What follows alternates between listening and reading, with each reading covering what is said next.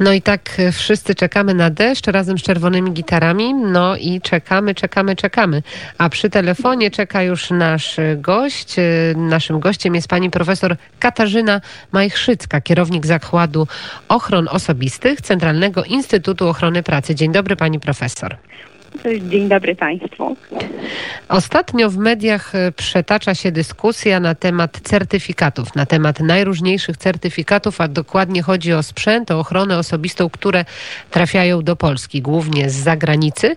No i my na to pytanie staramy się teraz między innymi odpowiedzieć. Jak wyglądają e, procedury, pani profesor, jeżeli chodzi o e, środki ochrony osobistej, które trafiają do nas? Czy jest obligatoryjny obowiązek testowania u państwa takich materiałów, czy też nie?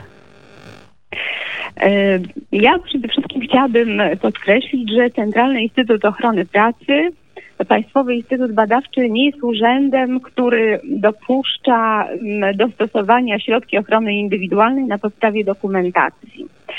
E, więc działamy w systemie e, takim międzynarodowym, znaczy europejskim dopuszczania tych środków e, do użytkowania i on się odbywa tylko i wyłącznie na podstawie odpowiedzialności producenta, który musi wykonać badania laboratoryjne i na tej podstawie jednostka notyfikowana może wydać certyfikat taki uprawniający do oznaczenia tego wyrobu znakiem CE. E, I y, można powiedzieć, że w Polsce, w Centralnym Instytucie Ochrony Pracy posiadamy pe w pełni wyposażenie laboratoryjne do badania środków ochrony indywidualnej. No i również mamy status jednostki notyfikowanej, która może takie certyfikaty wydawać.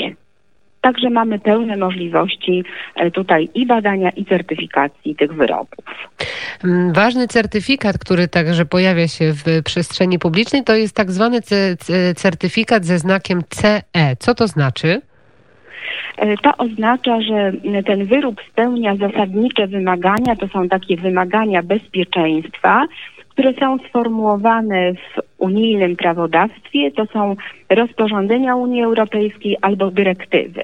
W przypadku środków ochrony indywidualnej mamy bardzo konkretne rozporządzenie Unii Europejskiej o numerze 2016-425 i to rozporządzenie, właśnie spełnienie wymagań, które są sformułowane w tym rozporządzeniu, na podstawie oczywiście badań laboratoryjnych, bo bardzo ten aspekt chciałabym podkreślić, że to spełnienie wymagań rozporządzenia może być tylko i wyłącznie uznane na podstawie badań laboratoryjnych wykonywanych w akredytowanych laboratoriach, pozwala wydać jednostce notyfikowanej certyfikat właśnie badania typu WE, na podstawie którego producent oznacza swój wyrób znakiem CE. Hmm, czyli jest dokładnie tak, że dane środki ochrony osobistej, które przylatują do nas do kraju, które importujemy z zagranicy, nie muszą wcale znaleźć się u Państwa w instytucie. E, jeżeli miałyby one mm, badania laboratoryjne, czyli raporty z badań laboratoriów akredytowanych, e, które potwierdzają zgodność z wymaganiami tego rozporządzenia, to oczywiście nie musiałyby być one badane. Natomiast mm, no, przede wszystkim chodzi o to, żeby mieć wiarygodne badania, które będą potwierdzały właśnie tą zgodność z zasadniczymi wymaganiami. A jak e, pani się odniesie właśnie do tego, co ostatnio się przetacza przez media? Mówię tutaj o mm, tym największym, takim najbardziej spektakularnym przylocie do kraju samolotem Antonow, który przyleciał z Chin. Tam są najróżniejsze certyfikaty y, podawane. Rozumiem, że y, te akurat y, środki ochrony osobistej, które były na, mm, na pokładzie tego samolotu, nie były certyfikowane u państwa. Państwo nie mieli jakby udziału w, w, w, tych, w tym znakowaniu, w tych certyfikatach? Nie mieliśmy tutaj udziału. Te, ten sprzęt był badany w no, miejmy nadzieję, że był badany w innych laboratoriach. Oczywiście e, tutaj te certyfikaty, które no, mieliśmy okazję obejrzeć, no to były certyfikaty wydane przez włoską jednostkę, która nie miała uprawnień do mm, wydawania certyfikatów, e, które oznaczałyby znakiem zgodności właśnie z tym rozporządzeniem, czyli znakiem CE, z tego względu, że jednostka ta włoska nie posiadała notyfikacji y, w zakresie właśnie tego naszego rozporządzenia. Natomiast y, dopiero badania laboratoryjne wykonane właśnie w laboratoriach y, Instytutu mogłyby potwierdzić, czy E, ten sprzęt rzeczywiście posiada mm, gwarantowany poziom ochrony, który e, no, jest zadeklarowany w tym certyfikacie.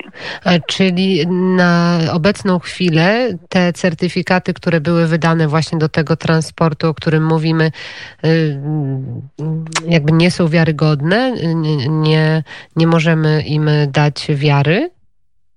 Mm, to znaczy ten konkretny certyfikat, bo tylko o tym certyfikacie mhm, tak, o tym... możemy mówić, prawda? Ten konkretny certyfikat wydany przez włoską jednostkę notyfikowaną mm, nie może być uznany za certyfikat zgodności właśnie z rozporządzeniem dotyczącym środków ochrony indywidualnej, ponieważ jednostka ta nie miała statusu e, jednostki notyfikowanej do oceny środków ochrony indywidualnej. Ale widziała Pani stanowisko firmy, mówię tutaj o firmie KGHM, że, no, że właśnie podpiera się tym certyfikatem i podpiera się tą włoską firmą. No to trudno jest mi tutaj to skomentować. No, mm, jest to mm, informacja e, pewna, że jednostka notyfikowana, ta konkretnie włoska, nie ma e, notyfikacji w obszarze środków ochrony indywidualnej, ponieważ istnieje taki system europejski, system rejestracji jednostek notyfikowanych, to jest system NANDO. I w tymże systemie NANDO ta jednostka włoska ma notyfikację, ale w innym zakresie niż środki ochrony indywidualnej. E, między innymi ta jednostka ma mm, mm, notyfikację w zakresie dyrektywy dotyczącej urządzeń medycznych. A więc jeżeli chodzi o maski medyczne, czyli chirurgiczne, u nas w Polsce nazywane, to ta jednostka włoska miała uprawnienia do wydania takiego dokumentu. Natomiast jeżeli mówimy o półmaskach filtrujących, które są półmaskami ochronnymi na zgodność z normą 149, które oznaczone są jako FSP2 lub FSP3, no to tutaj ta jednostka włoska nie miała uprawnień do wydania certyfikatu. Rozumiem, że na pokładzie tego samolotu były i takie maski, i takie maski, tak? Myślę, że tak. To jest y, bardzo ważna informacja i na pewno o tym będziemy mówić. Jeżeli chodzi jeszcze o Instytut, y, to dużo pracy mają Państwo y, dzisiaj, obecnie w czasie pandemii. Zwiększyła się praca w Instytucie, czy jest wszystko tak, jak było? O, tak, tej pracy jest po prostu bardzo dużo. Bardzo się cieszymy tak naprawdę, że ta wiedza, którą gromadziliśmy przez lata i nasze laboratoria właśnie, które, w których możemy badać wszystkie parametry ochronne sprzętu i ochrony układu oddechowego i kombinezonów ochronnych, osłon twarzy zwanych powszechnie przyłbicami, no to wszystko może służyć przede wszystkim krajowym producentom, ponieważ bardzo duża w tej chwili jest inicjatywa krajowych producentów, którzy wspierają e, tutaj rynek krajowy i oni są dla nas priorytetem. Możemy służyć tym przedsiębiorcom i radom, jak należy konstruować takie środki ochrony indywidualnej. No i wykonujemy po prostu badania, które pozwalają im weryfikować, czy rzeczywiście te środki spełniają te zasadnicze wymagania. Także, także pracy rzeczywiście jest bardzo dużo, ale na szczęście do tej pracy jesteśmy przygotowani, mamy i wiedzę, i wyposażenie i możemy po prostu służyć wszystkim pomocą.